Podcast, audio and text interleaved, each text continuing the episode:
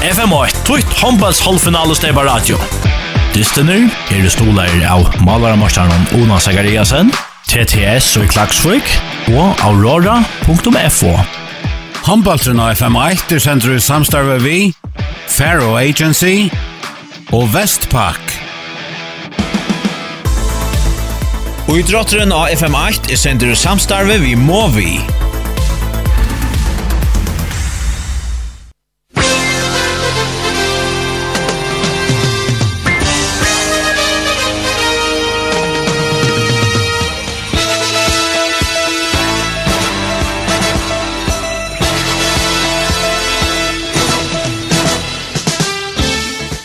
Vere vel møtt til ein risa bølsteg av FM1 her vi fyrir sida fra Ødlund, Taimon Fyrre, halvfinalen og i faktisk konti kapping noen kjabbe i kvinnon og mannon.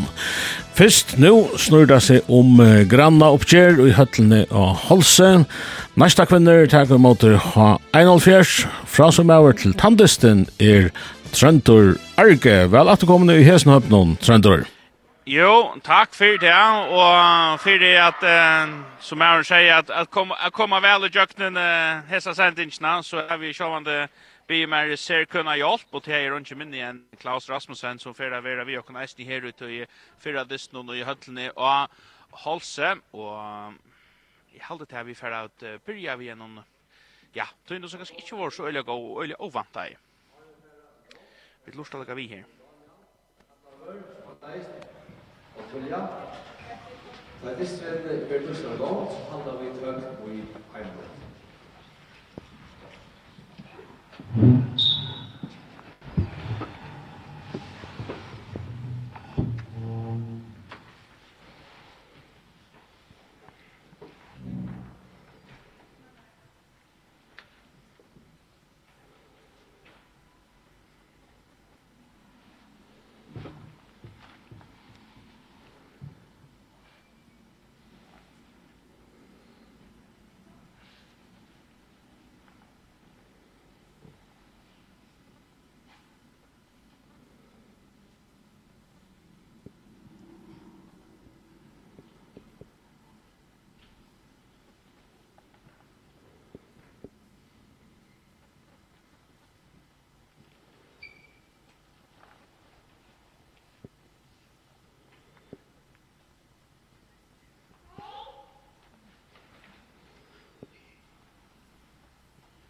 Takk for det.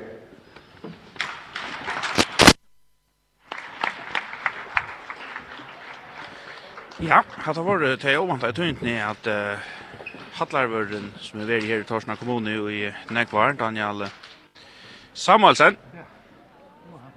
Og Hallarvøren reisne, han uh, ja, får rulla brottliga herfra og Och Lena Guidja där har haft och Lena Ekva tack honom för det han hur är en dröm med utan för att få och Lena Ekva tilltök och alla nöjdrotten samskipar en och få allt att räcka så TV rakt och idrotten harst men sjön de härast för familjerna och hinne men här har det så vist här vinsterna som hade absolut är snier rätt att göra att har vi haft en minut stäcker och man ser det för otroliga frihet så var det helt unker som ordentlig skilt jeg tar. Alt så for jeg litt og spurt jo om fra fyttan spurning, så hei aldri bare, for det er noen tjej naga, men det var det bare øyelig vel og fytlig av meint.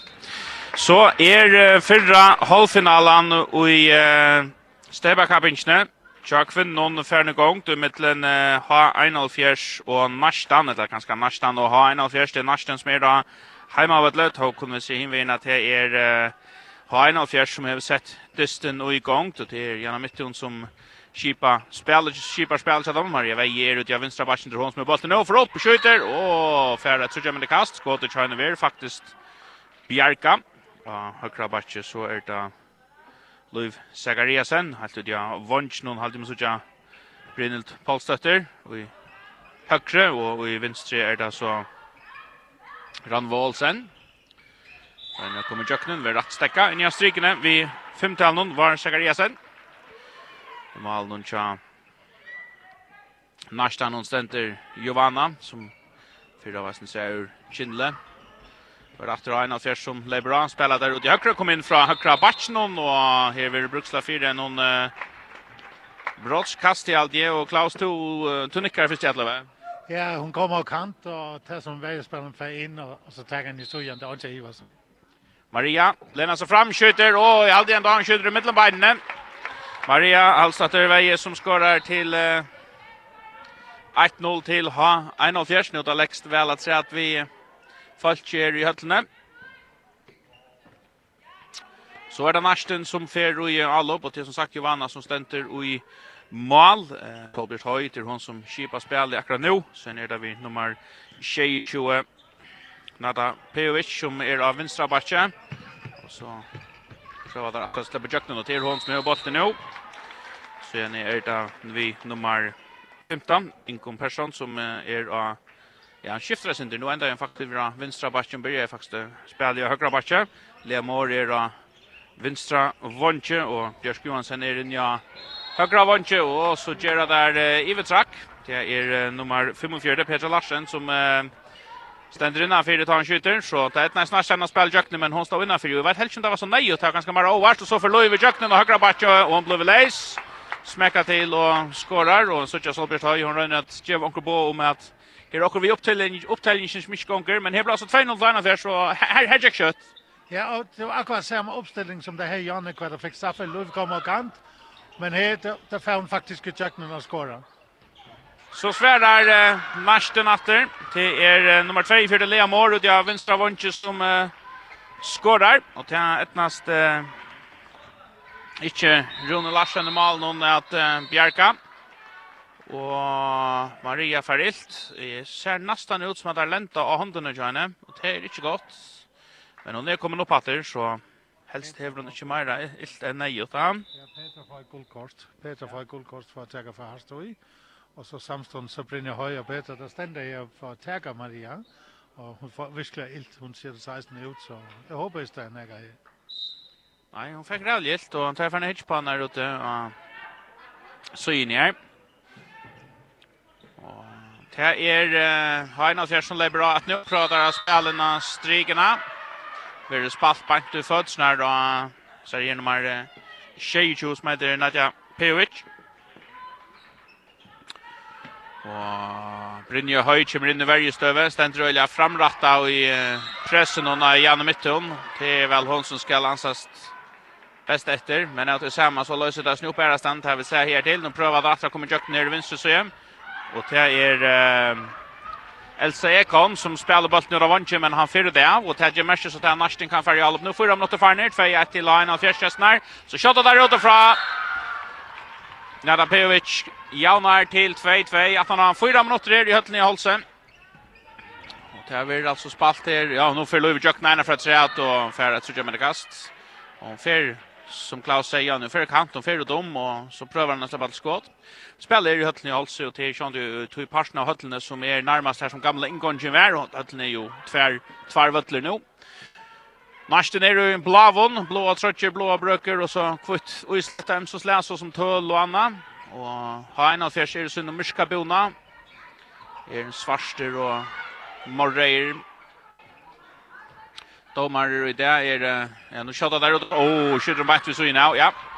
Det er Jon Vardom og Thomas Jols Robinson Thomsen som dømer i det. Tar er og i uh, Lysande Golon Trotjon, så tar vi da kvarske Arenter her et løy myrsk noen kvalt, og så er det gjennom midten, og så fer hun bare atlan med en kjolv og skårer. Tror i tveit, Leina Fjers, nærste mesterbalter, og i oppspillen, og i første bildet, og i all opp noen, Och Janna mötte ja till ja och hon får bara alla mig själv. Alltså Janne är ju fantastisk drive över banan och sällan hon släpper och renner mitt i så uh, Iversman ska man vara fram till så hon går till att spela vidare. Jag måste säga Janna utvecklar sig kolossalt det gör. Det er ju han har att var i uppskottet som Arsens stjärnskott i förskon och i drömmen. Nu uh, spelar det så uh, rundt her, og och at uh, komme till skott. Släppa bollen här ena för ett rätt in midtfire. Ja, spelar bort nu av vanchen så inhopper venstre. Och väl tidigt av Rune Malen och ha en av fjärs. Här så vi att det nästan släpper ut av vanchen i venstre. Det är grejsen väl. Ja, det är bara smal. Nej, nej, en pressspelare från hela vägen överifrån. Och där man ser det rickar till vanchen och frun. Nu gör en Olofsfall här. Det manglar visst Maria in och, och Kipa spelare som är nu. Ja, Maria är inte Hon sitter här ute, ja. Hon sitter stadigt här ute, ja. Hon fick öl illt och Janne Maria Halstad och Veje som är ner en av de helt stora profilen och har en av er så man kunde säkert sagt när kommer att heilen att han för när kommer stora parten av spelen så man. Här såg vi annars ett uh, fint nästal upp här och här kommer det alltså ut av vänster men uh, Brente och så får han av fjärs i upp och så för är förna vart det alltså Ekom som uh, Hesa finna Jordan Alves fel, Jan Alvarez akkurat skaft och fick inte samma spel vid Vonsnarika. Och det är alltid Sintertown Ranheim. Men är bara farne 6,5 minutter, det är fyra, fyra dyssen av 5 mot inte avgjort hesa minutter, men här är trøyt vei till ha en halv fjärs. Nästa är Jalbe, Solbjørt, så vi är. Ja då, nu prövar han för oppe utfra, släpper bollen ner, så Rønne det. kommer inte Hint og väl vel nå men så ser jag där att det är ivetrack ena för ett rätt. Ja, annars väl spalt der ute från Hint från Björsk Johansson. Johansen, får han Heinald Fers i all Klarar att hålla fast i spelen, Är du inte innan för i kjolten där så ut till att vara av marsch någon till just det. Ja, jeg halte til er uh, nummer 45, Petra Larsen, som uh, enda vi har standa en luttlan fot innanför strikna. Det annars välspalt och jag sett att det inte nejut känner jag att jag faktiskt är för att hon gör det och det är inte tydligt nejut att standa. Jag håller bara hon, hon, hon ser det inte. Nej, hon flyter faktiskt från min här och så ut under backen. Och så ständer hon faktiskt vid foten och strikna där hon mottager bulten och det är släst nejut. Nej, Nej faktiskt. Hon ser det så. Hon får inte fyra månader så det är hatt affären arbetsvitt. Det är som att Så vi lov nu pröva en att jag högra batchen hon här och släpper jöknen men ta släpper hon inte nu över nästan lucka som finns ju stäcka då nu stäcker det sen till Mars shot ingen nu då vanchen Ranvan prövar att släppa jöknen Nu kör där runt här. Nu för armen upp här så nu ska det hända för Janna spelen och strikna matchen framför Fädrabolten men han fyr och i födsnar och en nästa spelare att där får Fädrabolten och slå han Lucas som veck. Och i Alvinchen är Louis lägger han till Janne så vet inte om Janna Lucas som skall pröva ge det här själv vet jag kan rätta. Janna skjuter under skott skorar. Och skjuter han faktiskt mitt i målet. Johanna, hon uh, vantar bollen för att komma ut och syna. Ja, Johanna Sutton faktiskt ett för att komma in och i fältet någon och så är det faktiskt för sent. Och så färdar en Kotler, Janna och som väljer och Nathan Pejovic som för Jöknen. Nathan hon för om Kotl och tar blöt till Trudja med det kast. Men han stod vid sidan synder i vinkeln här som vi så tjont han skåter från Janne och det är inte en synker i tryckkanten och han färn också mitt och en hejluga som bara skåt efter men Johanna helter i att Hvis han skal skåre, så skal han kjøtta rundt om mot han. Bjødsen så ikke. Åh, oh, nå kastar han bolten vekker, så får Løyvren han det. Og for å få bollen, og her fører vi at 2 minutter drønnsny vi om til han. Nata Pejovic, fært 2 minutter. Men hallar i Løyv, Løyv er første sted, og nästan inte det värst. Nej, men det var inte Ivas tog Löf här fram i vägen och loftar lyckas som bulten. Och hon tackar ut trötten. Och i konservasen hör jag det. Det är bara två minuter. Och inte kolla kostar lägga ut. Det, det, det, det är många gånger. Men jag vill inte säga att det är två goda vägar. Vi sitter och vi skulle tacka ut. Sex mål och nästan minuter. Så jag måste säga att det är goda vägar. Dejligt sitter. Ja, och utskifting her, och han har først linjen i striken, och så ikke här. Nu prøver, uh, prövar Elsut från högra backe och nu rycker väl för uh, spalt uh, ut av högra vank här Brynhild passar till det ikke. Det var kjød av i Malmö. Nu rycker bättre Chelsea Kjelsi Hon Hun uh, mistelykkes til tverrbalter men nu enda inn i högra backe. Nu här så godt ut kjøyne. fick lagt trus da, og så släppte hon bollen till sin egen høyre. och här kom så vonkeren hoppa in och og in. Brynhild som skorar, ja, ut från vongene.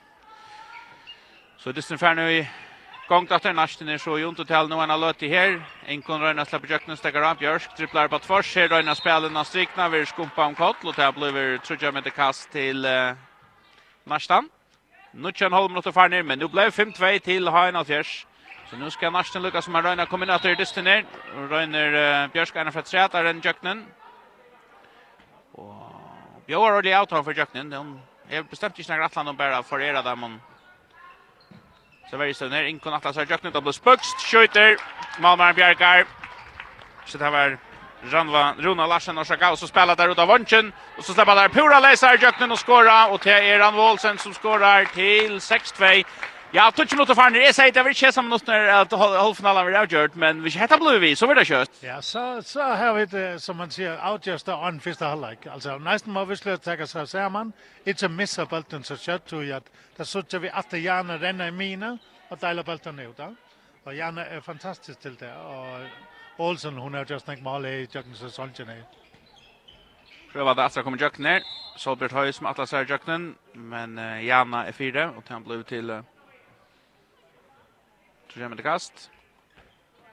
Det här var så tidigare. Nu ska Naschen så finnas seg omkring lossner her. Nu är det fullmann här att träna det. Solbjørs Høy, vi er det. Ingen person som mitt fyra efter. Att det där så Jöknen. Vi er att gå och välja. Det är Maria Nolsøy som är kommit inn av mina nu. Men Nata sitter utanför en alla det. Prøva der efter her. Spelen har strikna. Åh, det er vel spalt. Og så rykker. Alltså det är Richard Gall vinspelning någon och nu ständer Peter Larsson rött med en strikna och så skorar han nästan så rycker det. Ja, och Solbergs hög kommer in i mitten två och sätter faktiskt två till Sund och lägger han direkt i och där ständer Peter rätt som man säger ständer mitt i mål eller mitt för mål och skorar ett flott mål. Ja. Väl spalt kan man säga. 6, tror blöda nu till en affärs. Och drar affärs med Alben, Janna nu för en själv. Louis av Vonchen. Här är Lucka så Brynhild ma skifta soje. Elsa till vänstra backen. Nu bollen nu prövar han Bjau out, kommer in i måte. Släpper till skott, Giovanna Bjergar. Higger upp, där vi inte en shot upp i första jadlöve. Nata tigger mot er. Så ut av högra backen till Ingon och så är plåser ut i Björskjöknen. Ingon atlasar Jöknen vill stäcka och det är ett faktiskt Aina affärs värden jag kom efter. Og uh, Brynja har jo allerede med rønte nå til nästan hon, og hon råper av Bjørsk om at takk chansen, det er vært et, det er veldig lydig holde ferdig hvis hun setter jobben med veien. Ja, og Brynja mener hun skal fære, det er en unge spiller, hun, hun iver skal man fære, eller ikke, hun lærer hvordan det er, og Brynja vil ha hun skal avslutte. Og da matchen är Inkon, er det hun som får kjøkken og da vannsjen, og så er det Bjørsen skjuter, men uh, vel bjerker inn i, i, i malen av Rune Larsen. Det är flott. Rune kommer ju från nästan och spelar samma vid det unga nästan. Så hon känner nog så det unga spelarna men det är ju det är ju länge sedan som man ser. Nu för sånt just. Nada Pejovic kommer i jöknen från vänstra backen. Faktiskt gott spel så nästan nu där min kommun från 6-2 till 6-4 och En god löt att ta emot. Nu prövar det efter spelarna strikna efter det där foten och en nästa spelare och i uppspel. Nu drar in och lyckas med Lechan lockt in i, in strikna. strikerna. Maria för att komma in åter. Hon har faktiskt sitt gjort för nu i en nästan 8-9 minuter av spelet i kvar fall och har haft ilt i handen hon datt i Janne och tog sig till själva hantna och har inte spela handboll åt han. Det är och fingrarna där kunde ofta få Man har nog ilt där men till så att han sen här och då vann Jan Ranvall kommer in. Åh, han skjuter fram vid. Men det rikker vel, inn legger trusht av batchen og spiller seg under. Ja, vi sitter Maria og Janne, det er god til å sette tvei til søgn, og bare venter for tvei.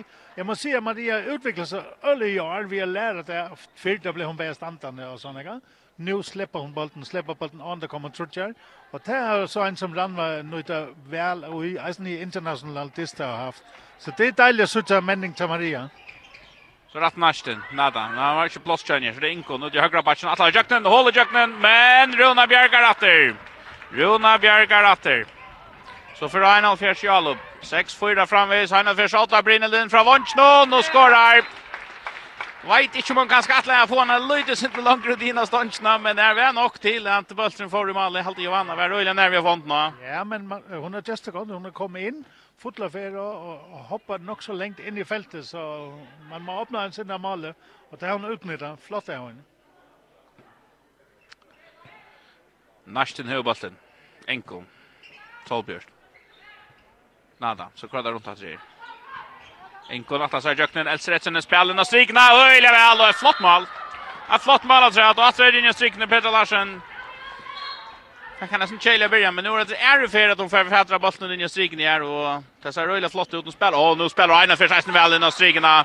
Och här är det så nummer 5 var Zachariasen som sender bollen i mål och så är det 8-5 yard två och inspel till strikarna från banlinjen. Ja, det må man säga. Men det var väl man hittar upp han vägen nästan tror jag att vägen var nödt till att få fram. Säljer när Maria har bollen så får det fram till Anders Showdown och så Maria lägger det här som för till högra suja in till stegna så flott avrit av Maria.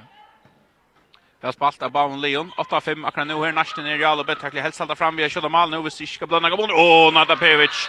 Nå smekkar hon til ut og fra. Fra vinstra han Batje. Bøtsen fer i hantar han sujenet, Og så minkar hon om månen til 8-6-3 mal. Så det er Jana. Loiv Atlas her jøkken her. Nu feknast där i nästa vägen att Ta det nästa att stäcka hos ner Heinald för så all upp någon.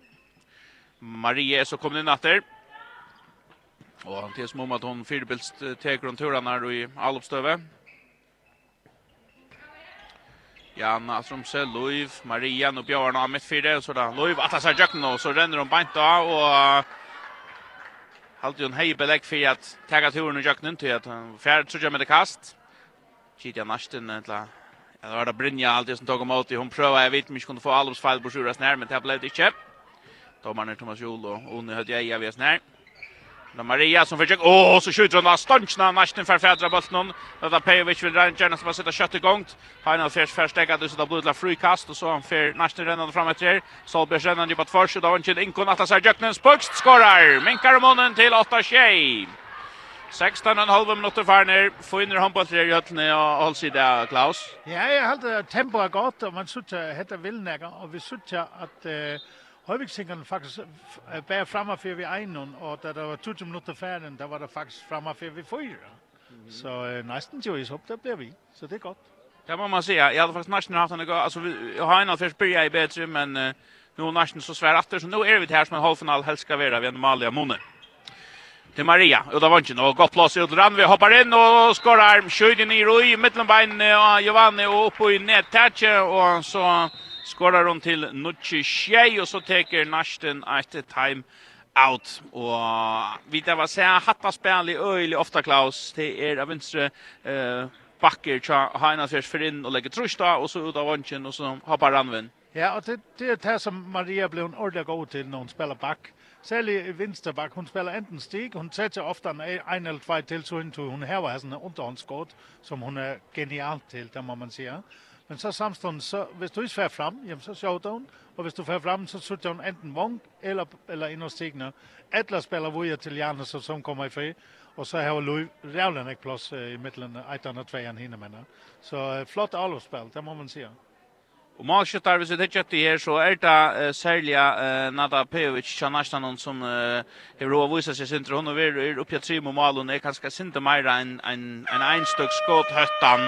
Men hittar vi dette standen tja Heinald her, så er det tvei, for nok så uh, nekvom, vi sier Ranva 22, og Brynil 22, og vi sier Sniana Mitten 22, så mer enn fordelter målskåret liste kanskje, men enn så får man alle det til, man kan ikke bruke det til nekka. Nei, ikke enn, altså, man där man hittar av mig i att det är en spelare som kanske kommer så länge ut att man säger hur blir det till hon kan skjuta åtta mål eller två mål detta må vi göra något bättre men men samstånd ser man nästan ofta ja men så hvis det bara hon som skjuter mål så är det okej.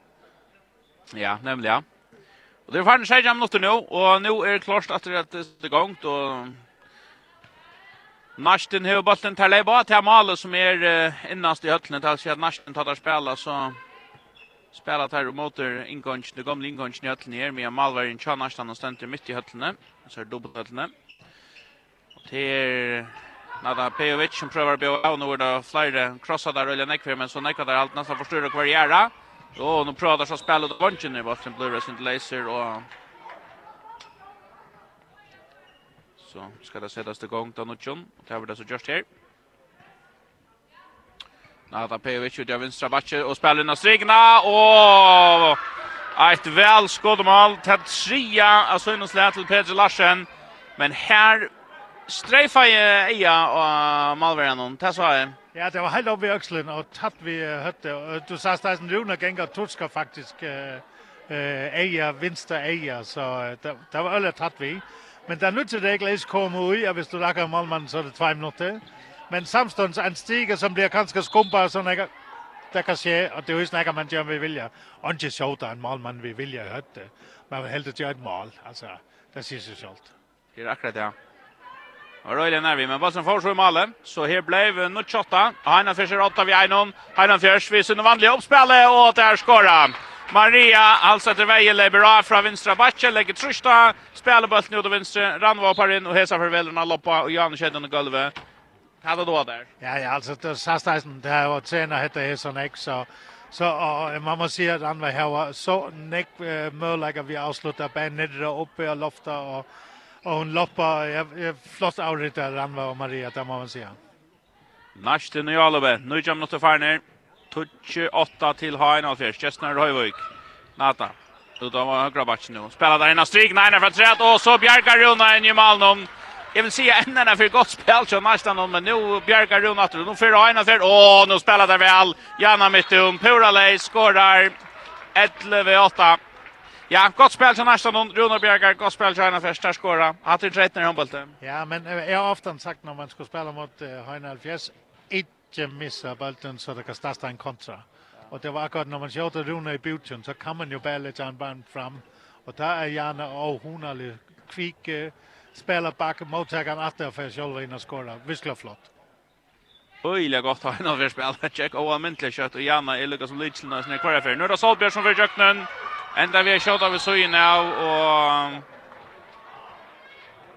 Ja, tog han lödde men det blev brottskast. Ja ja, alltså hon kommer kant och Och så ska de man lucka på det där. Är det, är det en upplagt chans där? Och, och Rune, han tar eller han tar det in i och dömer där.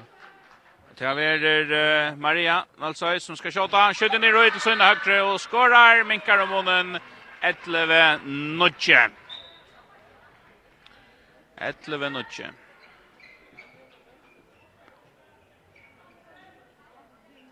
Så er det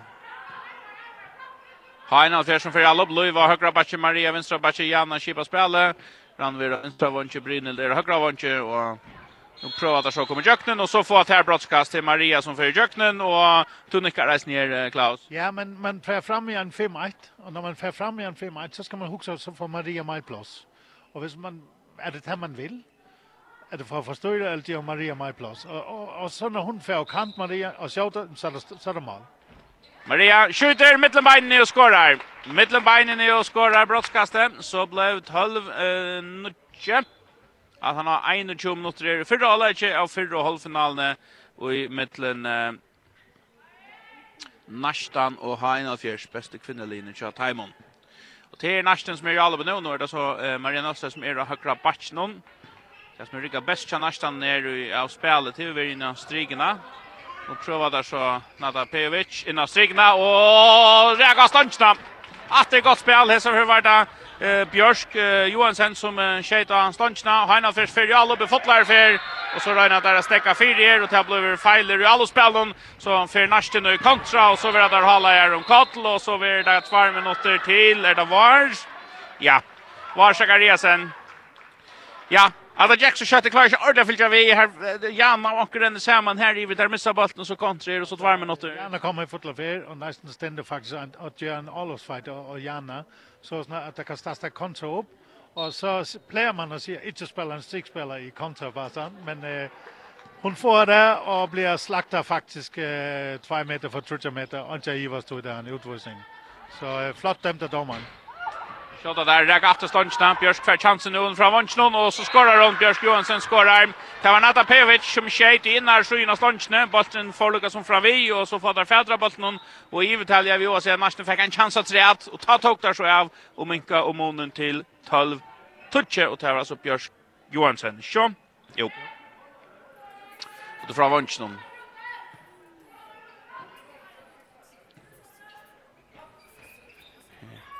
fra Diana ut av vansjen her. Elsa helt ut, og slipper ikke jøkkenen.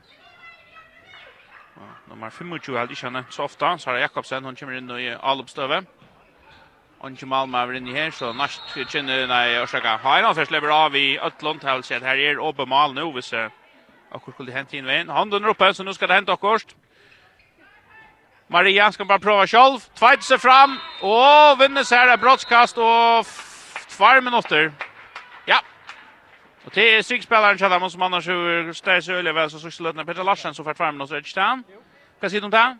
Alltså det är sannolikt. Hon tar han in och hon finner en avväg eh, Janne och hon ska stäcka vid det. Hon gör det ena för ett Så är det inte annan möjlighet än fem minuter. Så det är rättvist att Thomas Jola dömer det.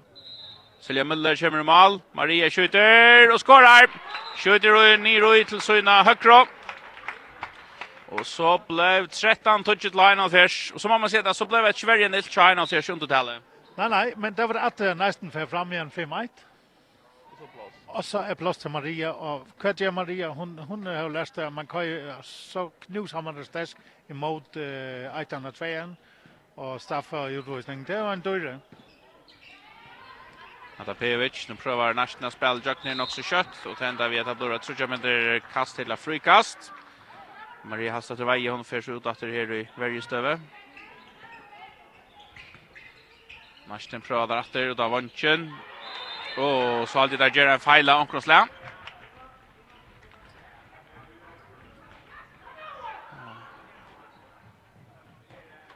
Gajana, midtun som var fædra ballen. Ja, så halte jeg at ha en, vi at uh, røyva seg sindelei, sanna narstan manna løte nå. Ja som om at Marsten miste jeg synder av drive nå, men har han først akkurat sin samme lev, og så gjør det ut av vannsjen, og Ranva skårer akkurat av samme. Så det har gjort flere fer, og det har vært utrolig frustrerende at man ikke kan stekke til og, og vel trene av han først. Ja, men, men man vet at, at det kommer, så kan man huske, jamen, skulle vi ses flere vælger en sinde langt i ved hende, men, men vil være god til at fære midtland, etter og tvære hende, men, så man skal, altså, så det spørger ingen flere vi har nok, se ud til, hvad gør vi? Och så ska man ansätta hvis man har en framme. Kvart gör man så filtrar det vi in eller kvart gör man gör det trutja eller kvart. Ja, det var spännande att se hur en last nästan väl. Det var något lägger akkurst. Invägen. Ha en av Nu där kommer bara fyrstan touchen. Ja, när hon är ja, täcker nu igen någon 5 1 ish uppställning. Där så hon trackar lika som 2 3 meter längre fram och lägger trusta så Solbjörsta hon Bitche spel upp här. Nu prövar Lasse spel ut av Vanchen. Björk ska ta sig jacken. Vi täcka öliga Harlia etla. Ska inte vara Harlia men och vi väl täcka och så helst så. Ada Pevic atlas har jacken och Elsa täcker den.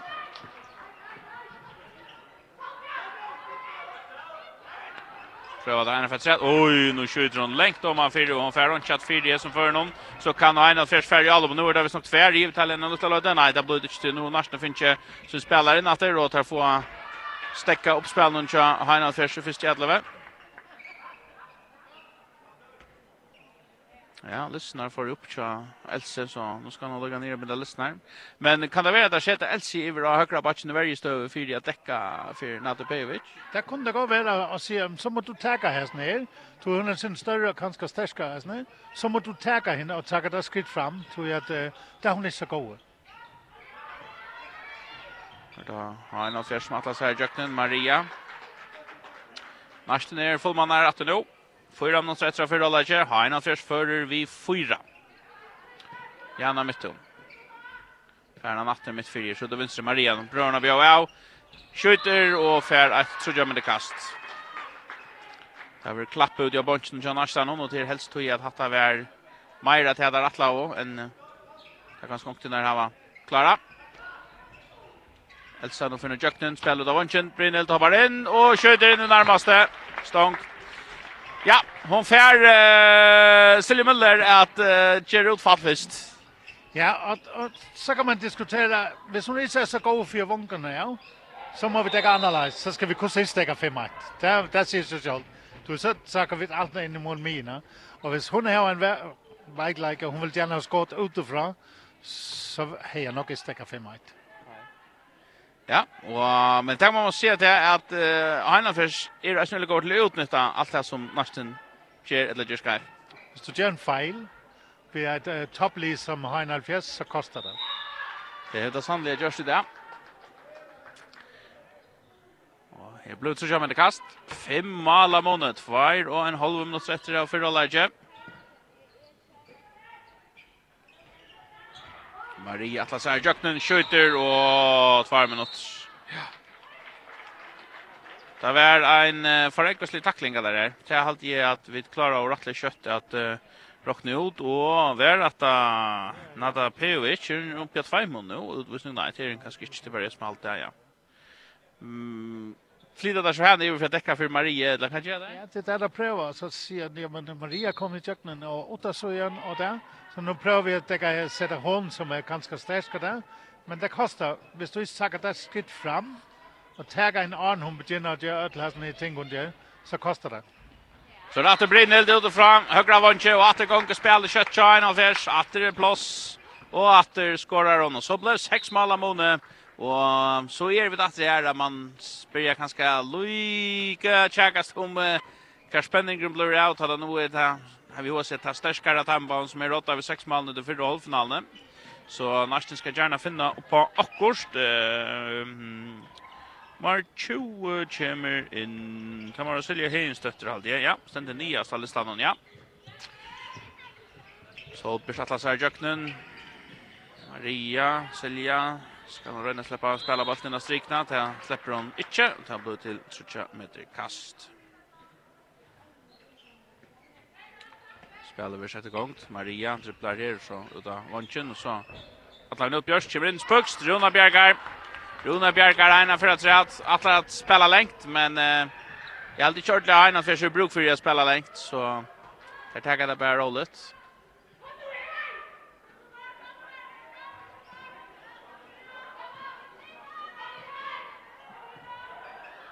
Så her Maria. Och då var inte Janna och så spelar det, så da var inte Brynildna, og nå släpper ni ikke kjøkkenen. Nu är det shoulder att lucka av bright. Nu får nästan täcka. En flätar varje.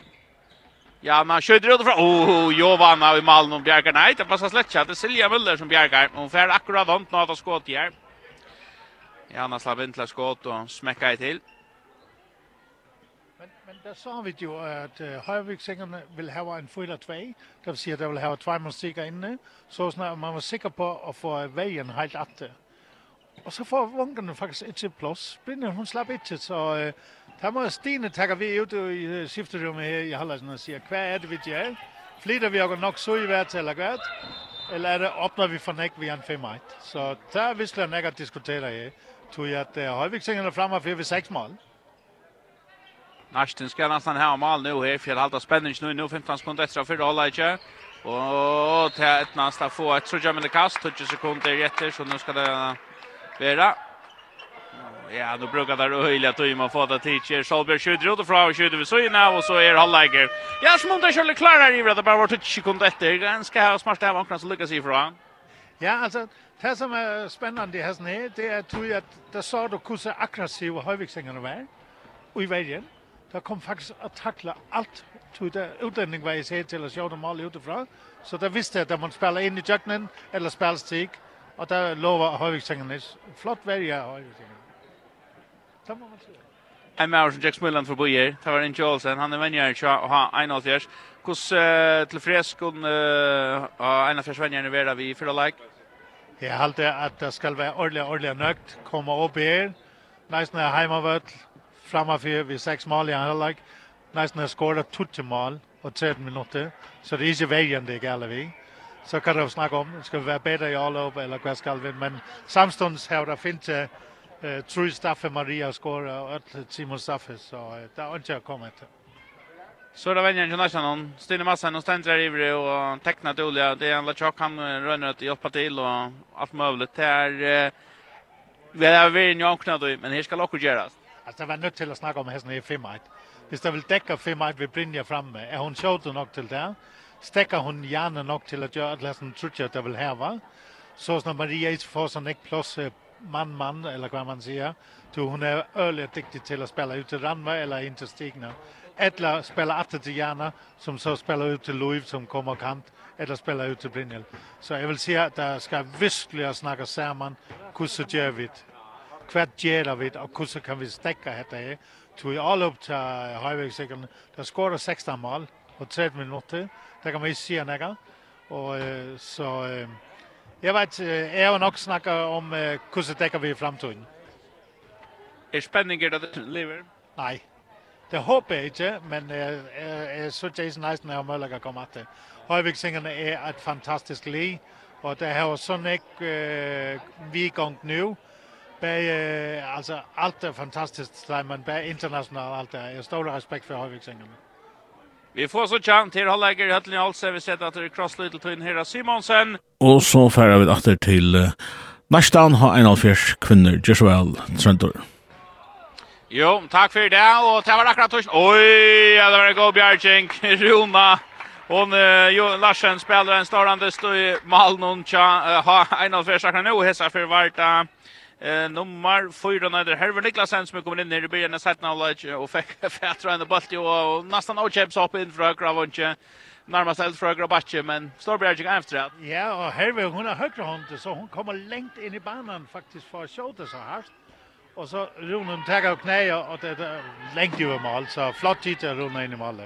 Och så var det ståtliga sutt att höja Höjviksingarna stastar faktiskt en 5-1 vi gärna mittun framme. Är det tror jag man vill ha en kontrafasa eller det tror jag att man vill täcka en sinde analyze. Nu är det så ena för som räkar ståndsnamnet där får fädra bollen åter. Det är alltså uh, ha en av fjärde som är 8-16 touchen och sätter ni hållägger av fyra och halvfinalen och i stäva kappingen är det gång till i höllene av Halse. Runa Larsen sänder Malmarie Halsa Davaji är nu spelande skipare och hon över Louis Zachariasen till högre och Janne Mytte till venstre. Ute av vänksen ner så Ranva Olsen och Brynelt Paul Stötter då inn i strygen ner där så var Sakariasen bant nu, Maria Smattas har jakt, över stäcka gott godt spel från fra Narstanon, Giovanna Stenter och i mål annars er der Herver Solbjørst og så halvtid at det er nummer 45 här Petra Larsen som er inn i strygen her og nå får Jana jakt, men skorar. Det er Nada Pejovic, det er Brynja Høy, og så ute av venstre vant, vi nummer 2 i fjerde Lea Moore, og så skiftet der løgge ut her med den alop, og verje inkon kommer inn, for Jøknen skjuter Malmøren Bjerkar. Marsten er i Blavon, ha en av fjers er sånn svarta bona som så er, jeg synes det er sånn myrska morreiren reier etter framsøyne. Da var det Thomas som Thomsen og One Vartum, tar er i Kjøllus han det grønne trøtjon, så tar vi ikke til takke feil av det. Og her i 17 alle gjør det sånn Marsten leier bra i Modomien i høttene, og vi spiller til Parsnene og høttene i Holse som er den gamle inngången mer. Og Marsten spiller rundt til, her lekst tre at vi falt ikke. Jeg snir spiller man til mannspillerne til Narsten og KF møtter nå, tar skulle spille her at han har, kjører høyt eller forresten sier fra, fra, fra, fra, fra, fra, Og akkurat Klaus Rasmussen vil reisende parster av Tøydes nå. Arne vi ferden til Vestmannar, og så enda vi vi Kjentel og Stjøtnene og i kvöld. Så det er en lenker håndballstaver der, en stortligere håndballstaver, og en knivim til. Så er det Nada Pejovic som uh, smekker til for nesten utenfra her og høyre bakke. Verjan tja ha en alfjers i fire, ut og til han blir hotnakast. Kaver Tietje her, vel unna mine, og det var bare i uh, og var uh, Zachariasen alltid der. Ja. ja. Og så fer ha en av fyrst för Før vi tjej og... Maria. Loiv Maria rønner slapp tjøkna til spillen og strikna. Balsen ble leis få et så kjømmer det kast. Og det som det øver snakka sin drømmer i Hollandsson er om hette her er vi har kommet her til at det kan bli hva skal man sige Spenningren fer. Prada Astra kommer jøknen. Jan er snøgt. Færa trudja med det kast, men hun leder ikke helt fra seg her til Meira. Maten hun hikker på dommeren på som fermer i alt det at hun kanskje helt det her var Meir. Så kører der hvor gjør det.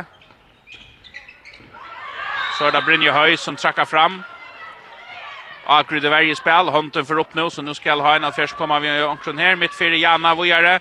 Loivet av Vonsen, Brynhild tar bare inn, litt rann i malen. Giovanna kommer ut og Brynel och bara. Hon uh, ja, på ett utfall med Klaus. Ja, jag jag håller det är så flott att Brynja hon hoppar in i fältet. Halta bollen och Malman gör sitt utkast eller så en utfallning ska hoppa högt och kast skalla. Beina vän hon har läser golvet så ser det Brynel. Alltså det är klasse. Det är så flott Aurik. Så stor respekt för vänken som du där. Det må man säga, det gör en öjliga vällys när det för Ja, men jag vill nästan säga att nästan täcker faktiskt öjliga gott 6-0. Fäga ui, komma i fär, pressa damman. Ja, det är klart. Nu skorar där så i hinnen där någon får spalt ut till Mor ut i vänstre och hon har bara minkar om månen och han tjänar 11. 5 minuter färna så att nolla kör Hainan för sig Albe. Louis Maria. Och där vanchen. Nu släpper Brynel i jöknen. Ja, Brynel hon har finns ju några mål i runt nere. Hon kommer på fem mål, ja. Han har haft Ja. Prøver der etter her. Jana, og nå finner mittelen fær her, og fær et trutja med det kast. Dommeren vurderer det er ivetrakt, Dommeren vurderer hun er ivetrakt, hun ligger ned ved beinet i feltet, og så må han jo give et trutja. Ok, da blir det altså til. Og han er fjerde skjeder i gang til Jana, mitt fyrir, dribbla tverfer opp, skjøter Giovanna Bjergar, og... Nødt så kommer det kastla en av fish. Ja, det er jo denne av fish i Alopstøv i Narsten som rønner verja fire. Prøva der efter. Ondron skott, skorar Maria Halsater veje. Ja, ja, men alltså det av fyra, men uh, hon smäcker bara till. Alltså Maria har har en håndlig rund om kroppen och en spelar Malman Sutjadags. Och nu spelar Narsten väl, men nu är, uh, nu är det att drivet rack.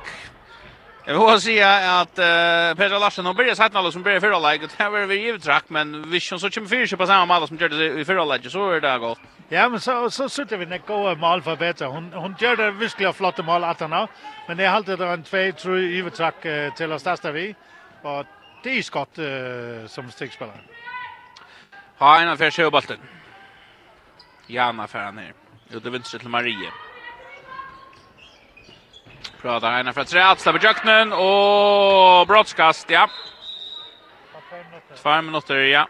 Okej, det var en öl i början som Petra fick här. Hon är det här för ungefär två minuter till halvtid, ja. Ja, hon är det här för ungefär två minuter. Så ena för träd så rygger den ut. Så blir det brottskast och det var Maria.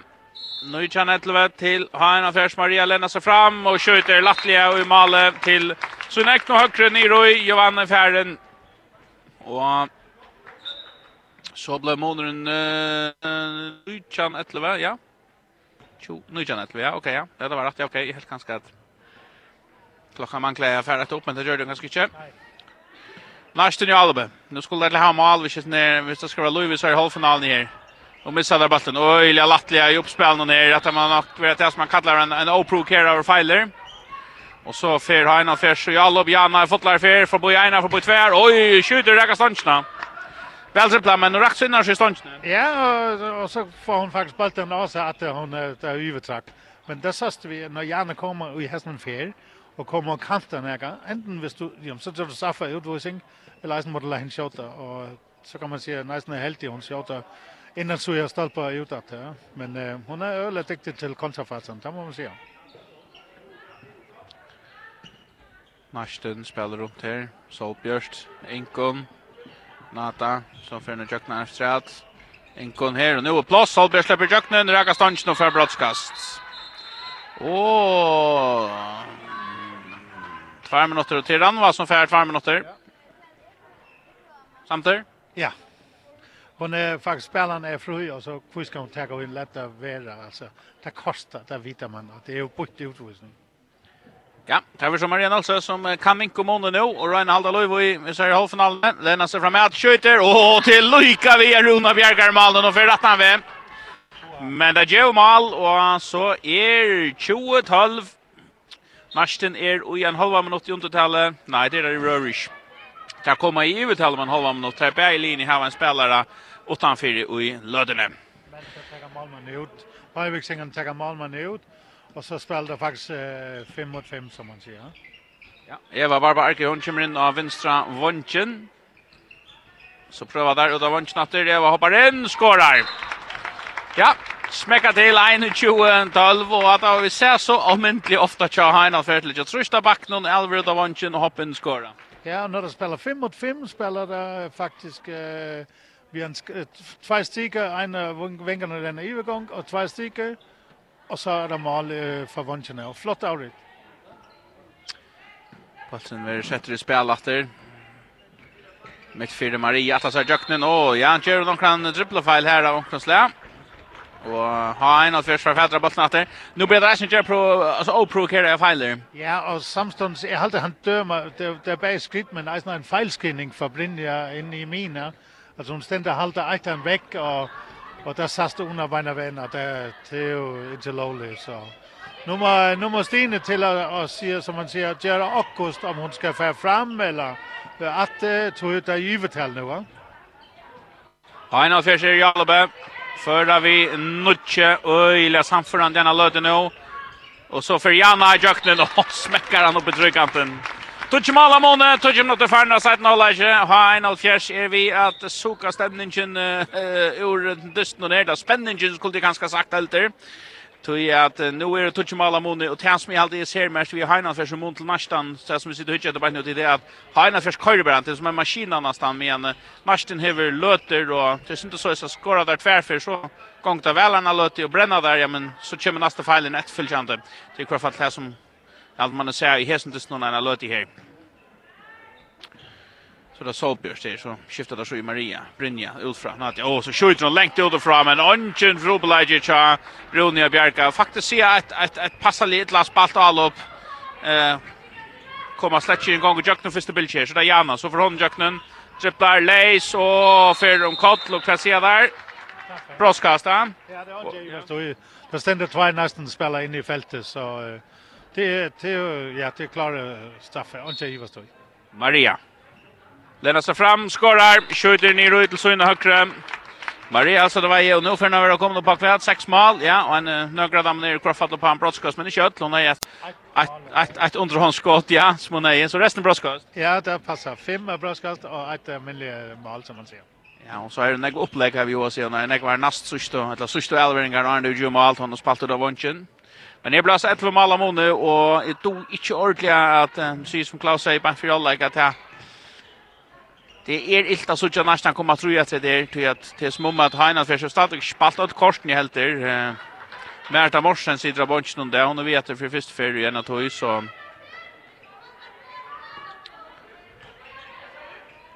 Och så ger Solbjörst. Kan jag här. Trippla där på tvårs. Alla minuter. då. Bunchen Björsk att ha sagt jakten. till om Gritche stäcka där sin dra. Och så får där ett så gör med det kast. Just så klarar han en fett rätt. Den för upp nu. Skjuter bara men nu har han cirka cirka samma stöva med Jan är helt så hopplöst ut men det var en grund att den skjuter att hon hon kan gå skora ifrån. Ja ja, hon har gott skott utifrån men Jan det lyckas som parata, eller nästan Jan lyckas som racka händen hon eller handen. Och så ja så det förlatt för hon att jag det ungefär och skottet. Men nu så jag vet att att nästan det blir vi att hålla hästen 6-0 och og flyter seg en sinne meg i Suivert, nå må vi sutte om det rikker. Løyv ut av vannsjen. Åh, så en flickvaren! Brynhilden til Janne Mittun, og... Jeg vil si, hvis man fikk en liten av ånden utan nærste minka i månen, så var det vel bare en stafestning av at Heinald Fyrs tett takkar bare. Ja, og, og det er jo sånn jeg at jeg er en veldig frustreret, altså, nå fikk vi endelig velgen til å flyte sånn, ikke? Vången kommer så djupt nio så hon har faktiskt ringt via skåra. Så lägger hon vipp in till Janne som så kommer flickvan där. Huskla flott. Solbjørn Høy minkar om månen, der var spalten av strina, ønsken jubel nå. Minka ned og i tutsjemala hon og han alters for Jalla Bjana, Namina, Marie Stabeleis, Fettas i jøknen, og han skårar til 15, årsaka 25-14. Ja, det var så flott mål Janni här. Brinel hoppar in och spelar Janni en flickvärde att han kör hon bara den och hoppar in i fältet och så loftar den bollen och kör drar den och länder åter. Så är det Nasten som har bollen. Maria Solbjørst, att till Maria. Eh Manucci Chu, Sara Mikkelsen kommer in och strigna. Spelar där udda Vonchnatter och så skjuter där fram vi. Nu är Lea Morrison för att skjuta fram vi under annars vill gärna Timon som kanske för jump set Ankara Sund Jansson. Ha en av fjärs för alla batter. Louis är Jana driver det högre någon gång då eller kött och udda Vonchen och så Bjarkar Silja Möller i Malnon. Ja, men det är som om att han nästan fick mål så så är ting för när det går. Nu säger det för Dölja. Spelas utan boll där Feiler, Janne mitt från stä kontra Purale smäcker den upp i tryggan den 26 fjärstan. Ja. Kanske man se glas. Alltså de var just så bytte feil, och så kan se det så kostar det henne inte och vi sitter gärna hon litt fremme i fem maj där vi ser hon er längt i mina när när har vi singa för färdig bollen så eh, ja ja hon kan hon kan hygge så vi Malman og och gjør gör hon hon kör det visst klart gärna. Marsten är i Alve. Röna där att Carl Jokten här. Ja, jeg vet ikke hva det er klare at han får lov inn og och lyssna at han prøver at där så en skåt her ute där blir till att uh, så kommer det kast.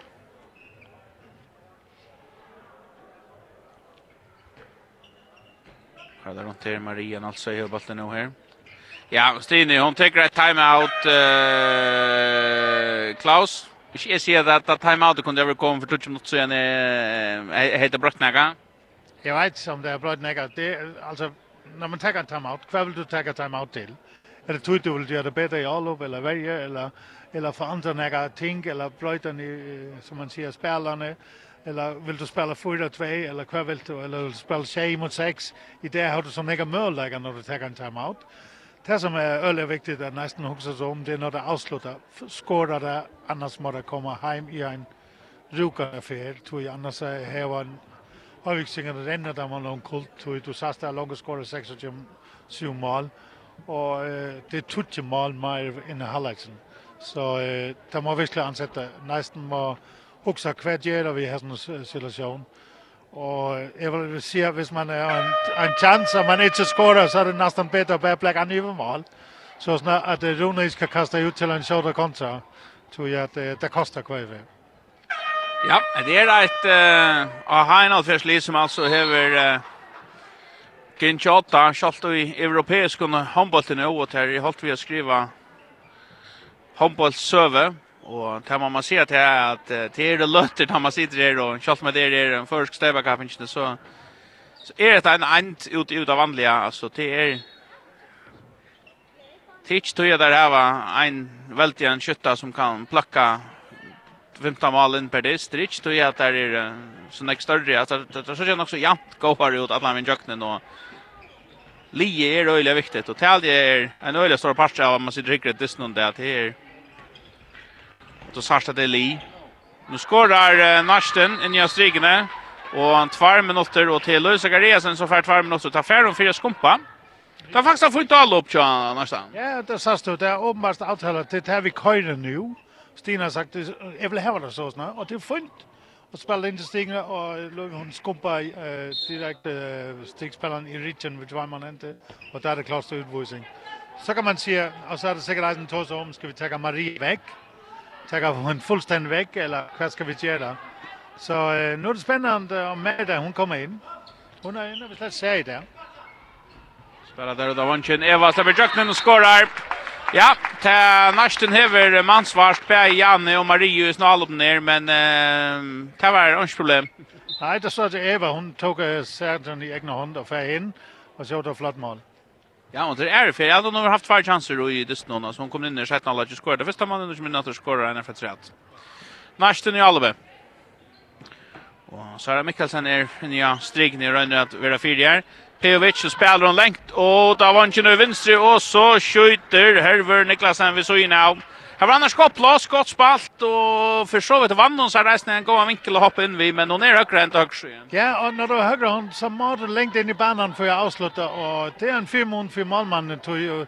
Du hoppar in efter och du ska så skjuta du ofta längt och då ständer du nu ju. Och prövar Elsa Ekholm så skott gjorde fram här för vi så ju nu. Marsten Ferry Alop. Ata Pevic. för han efter det. Så skjuter han ut från och skorar. Ja, Anki Jopel, Anki Naka, det er nekka foar som lukkar klappet i vansjene der. Det er mink og måned til uh, 16, så 11 mål slasla til uh, H1-alfjers. Seidjan mot det 17-0-1. Jeg er fyrre halvfinalen, så det kan då en leng 17-halvfinalen fyrre Narstam, hvis ikke det er klare, finne på et eller annet smart her, og vi ser først mål teler. Men her er det nok meira, nå prater spelarna strykene til VAR. Godt Sverige spel fra ha Men det går Sverige spelar från nästa någon. Kör Maria Jott till. Oh, Atlas är Jöknen vill stäcka. Blev nytt. Tror jag med det kast. Tar vi till här Maria. Elsa prövar för Jöknen. Spelar av Vanchen. Brinel. Ja, här var Nische. Charlotte här men nu kommer Hondos upp här. Så kommer skottet och Narsten är fyra. Men i sida och i löton ser man att Narstali som gott kan vara kappingar för sin dysten där. Men sammanlagt så er det Heinalfjär som bara køyres med sån Holger Maskine här. Det skiftas om att jag av och nu hettnas faktiskt att få Bjarka i mål. Nu det Elsa som prövar ena för träd, skjuter men eh, värjarna fyra. Det här Luka vi att snuta Silje i mål men Silje fär, fädra bollen om. Och så kan man också själva när snart när klarar spalten på handen med den först procent att in istället för 30 procent att in så så är det väl inte friare det. Ja ja, men men det där nu tar han initiativ, tar han time out och ser vi tar två veck. Och så så huxar jag inte att sagt, ja, men så slappar vi det av, till slappar vi av och så må hinna ta givet. Ta må göra malnen no? och så söker vi det bränner öliga chili i i hinnen där. Och hvis det hvis det skåra kvar för och hästen är, ja men så är det ju kommer två till mål tatta vi. Jag kan se det bespär mig nu akkurat det som händer nu här. Det var det shade Morshed och håll och där värdet. Jag vinstra vant ju. Bant Arn hade vi Herver Niklasen här i högre som bränner. Alltså, alltså visst det här rymliga stora chanser, ja, men så är det gott. Och så arbetar harst i världen, det blir det inte. Men nu tar Grinch timeout. Är det hästen till tog nu vet han, att nu ska han lycka skruva på knapparna för att få uh, Jetsna att spela lite som de är de Ja, nu har Indien faktiskt spelat det, no? Vad ska vi göra vi har två mansvärda? Ska vi få en, så en spelar stig, ska Maria in och spela stig, ska Janne få ut av vanschen. Vad ska vi så vi förvirrar vägen till nästan? Så han kan bröjda några ting nu. Og så skal Stene jo sige, hvis de gør sådan og sådan og sådan og sådan. Men det er ikke faktisk, der tager initiativ nu. Og det er jo der, vi i håndbold, når man tager timeout, så gør man et initiativ. Og så, nu er det spændende, så jeg, hvad, hvad jeg ikke og marsk nu, va? Ja, Thomas Jol, Solbjørnsson Thomsen og Ono Vardon tar er klar at det headset i ferdig og i øyrene, og den her skrutsjande grønne t-shirten, hun er sett på plass og nyr i kjørse, og så är spelarna Baumen vi klarar. Achan och en halv minutter färner är sett 0 och för halvfinalen. Och Jana Mytton och Maria Halsater Vejet här uh, Vera Mansvartar. Så nu är spennende hva det er inte Lukas som har funnet det att han atlas här göra.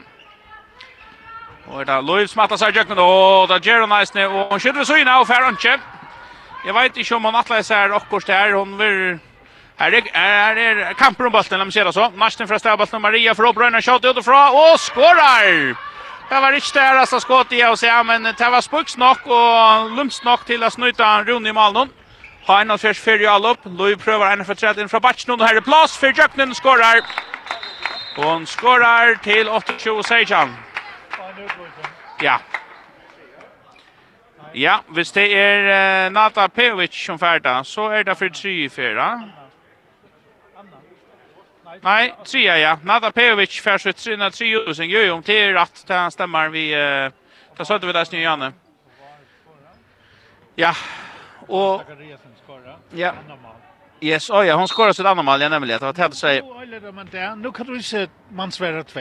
Så nu är du i undertal. Ska man så bli vi av Mansvera 1, eller ska man få 8? Så det är ju en vurderingsdin ska ta nu. Och vita spelarna kvar det skall.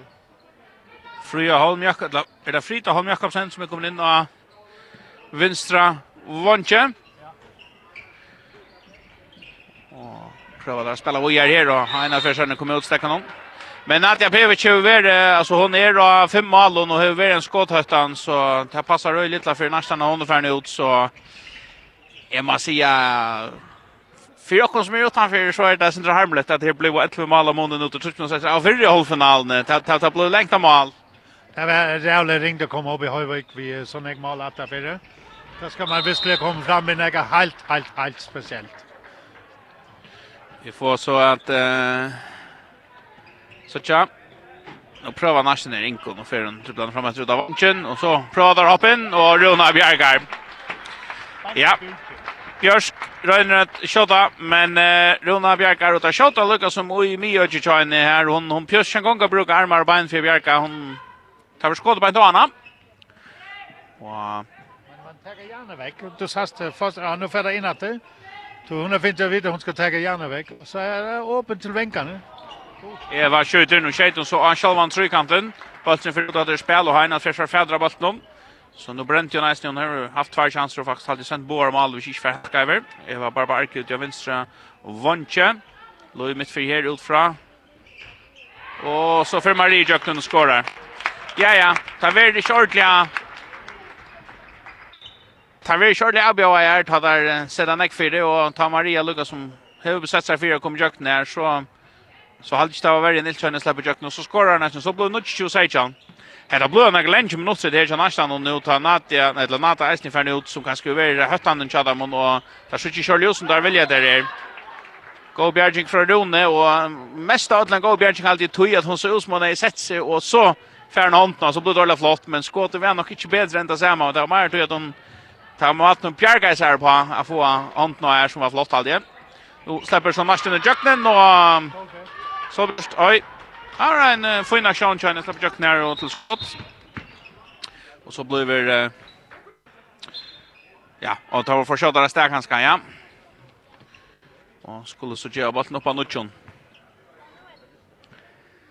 Nuttje-tjue, Atjan til H1-0-fjers. Her var spalt. Øyla stabilt, godt i det halvdige. Jana, så da vantjen, Brynelt, og så bjergar Silje Malnum. Ja, Silje Møller, hun faktisk blir helt ok. Flott bjergjengar Silja, hun visste tid til vingene som er nesten jeg har troblegget vi i første halvleg. Næsten fyrir alle batteren, sneier der rundt om her, færre rundt. Annars er Brynel, kan det Brynel kommer på malen her, hun har skått nøkker etter ja. Ja. Brynhilder på 5, ja. Hon har annars där hon brukar väl köra nu det var inte någon, men här så för han var det så inte. Martin Jalbe enkon.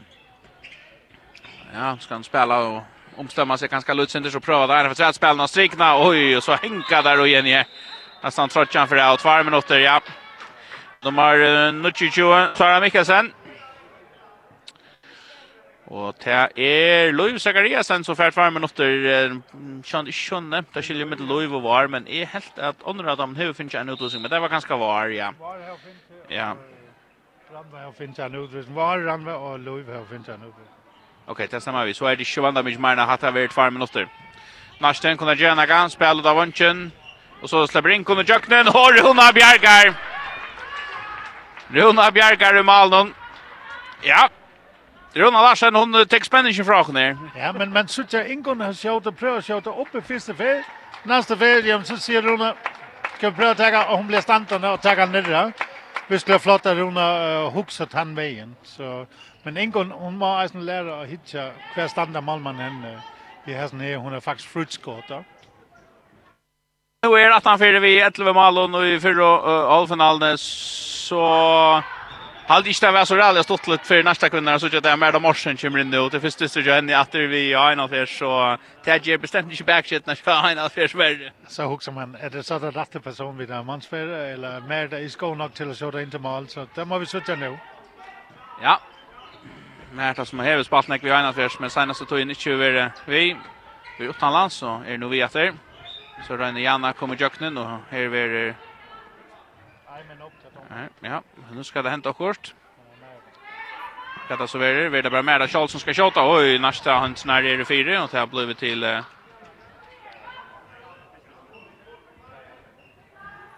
Hotna kast. Hånden är framvis uppe så det ska gänga nog så kött. Här kommer det. Så för mer upp. en av tre Skydder det i värjan. Så nästan och nöjliga väl fyra. Skulle så ganska få ett mål här. Maria för den andra. Den är från värjan. Hå, oh, runda av här fingrarna då. Men Öltre för målet. Norge 20 nu ja Marian alltså i en en fint ett fint kontroll. Ja, deilig så jag som man lätt separat och mer där hon hoppar så högt upp. Och Brinja ständer faktiskt in samma vi vi Inkon och lätt gå parat för målmannen. Och det ger en kontra till nästan. Det är deilig så jag.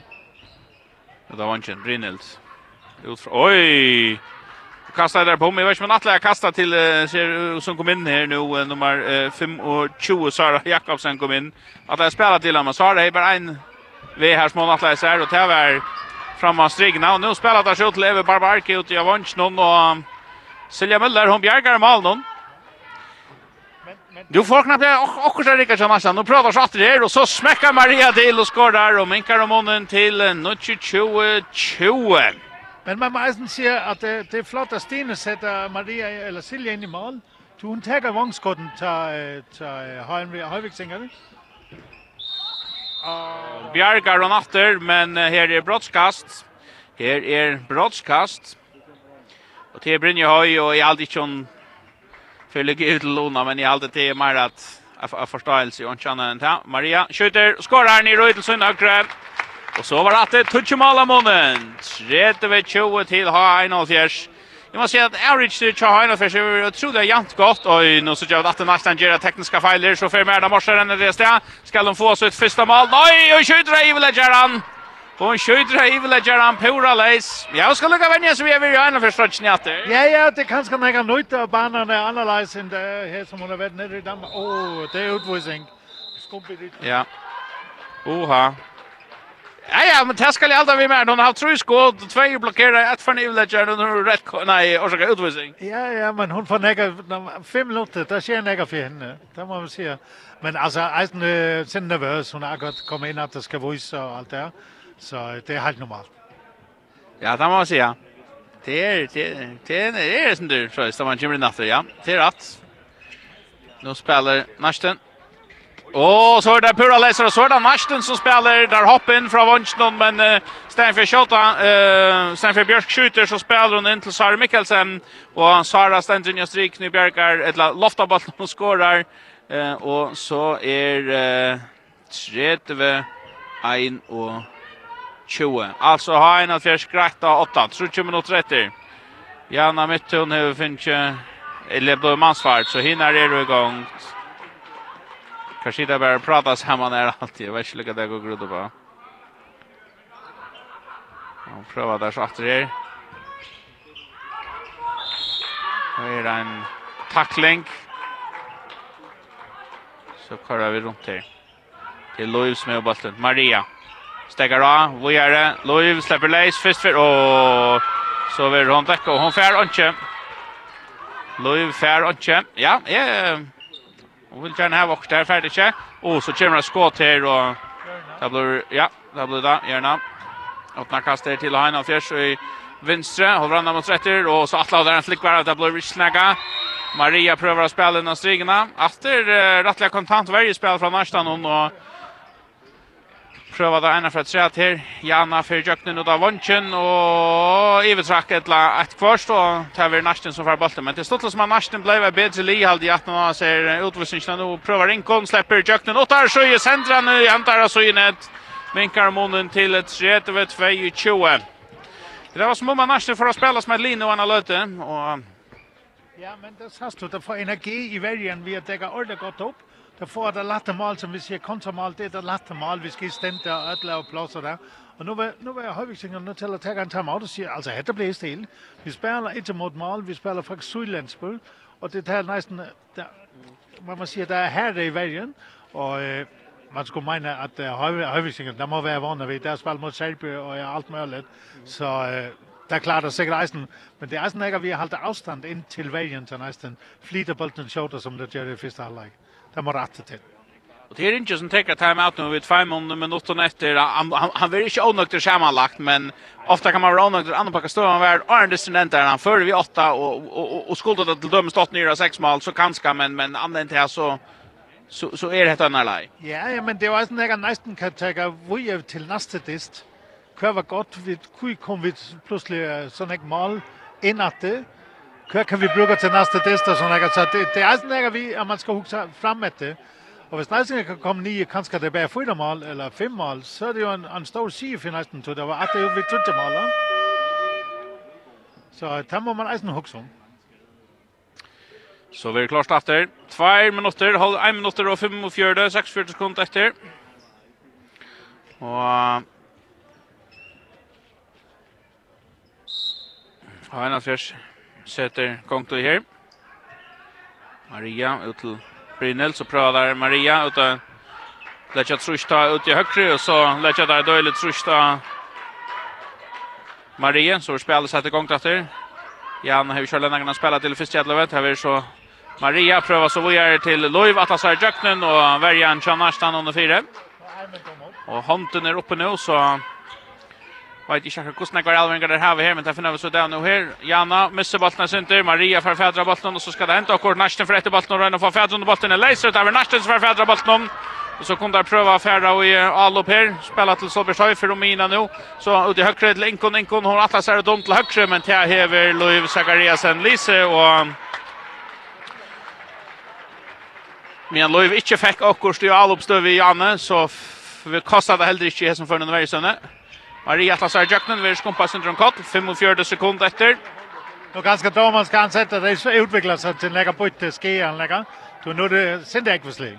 Den Ekvesli där mot rändan om men eh, prövar Maria för inte högre spelen av så alltså blåda Leisa runda kommer ut och brottskast. Ja, där spelen till halt att det är Sara Mikkelsen. Ja, jag ska han har känns ju själva vis så lucka. Vad ni med så tjänar ni striken här.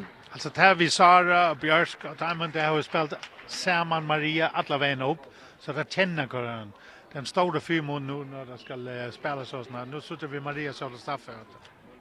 Ja, og da vi skift ut og Simona kommer inn i eh, Male. Så kjøla der, og skårer, skjøter til eh, Søyna Høkro. Det er Simona Kass som kom inn i Male her og ferder sørste minuttene her er 1 minutter og 20 sekunder etter nå blir det skjema alla måne, og så kommer uh, Maria Halstetter veie vi så noen uh, underhåndskodde, og så blev 31-23, og så er næsta kvinner for kjøter av sted, og så får tog i næste. og til et næsta man ikke at gjøre mer vi i hatta, til endar 23-31 til Gjestnar ur Høyvøyk. malskjøttene er uh, Maria Halstøtter veie, og her ble det oppe av en tutsje, Eh, annars er det här Tja Heinolfjärs Brynelt, hon er av 5, Janna Mytt, hon är av 6, Eh, Ranva Olsen er av 4, var Sakariasen 2, Eva Barba Arke 2 og Louis Sakariasen 1. Og hette er altså listen til Klaus Rasmussen, så snakker ikke heller, så kunne de senda, så kunne de senda klaver til han. Eh, og hette er vi så til Nästa någon så är det Maria alltså som ligger och av sex mål och Nata Pevis ligger och av fem. Peter Larsen kommer att tro och sen är det Inkon Persson och Lea Morvik för så inom två mån och att ända vi är det så Björsk Johansson som är snäfär. FM1, tvitt Hombals halvfinal och stäbar radio. Dystener är det stolar av Malaramarsdagen Ona Sagariasen, TTS och Klagsvik och Aurora.fo. Håndbaltrun av FM1 er sender i samstarve vi, Faro Agency og Vestpak. Og i drotteren av FM8 er sender i samstarve vi Movi.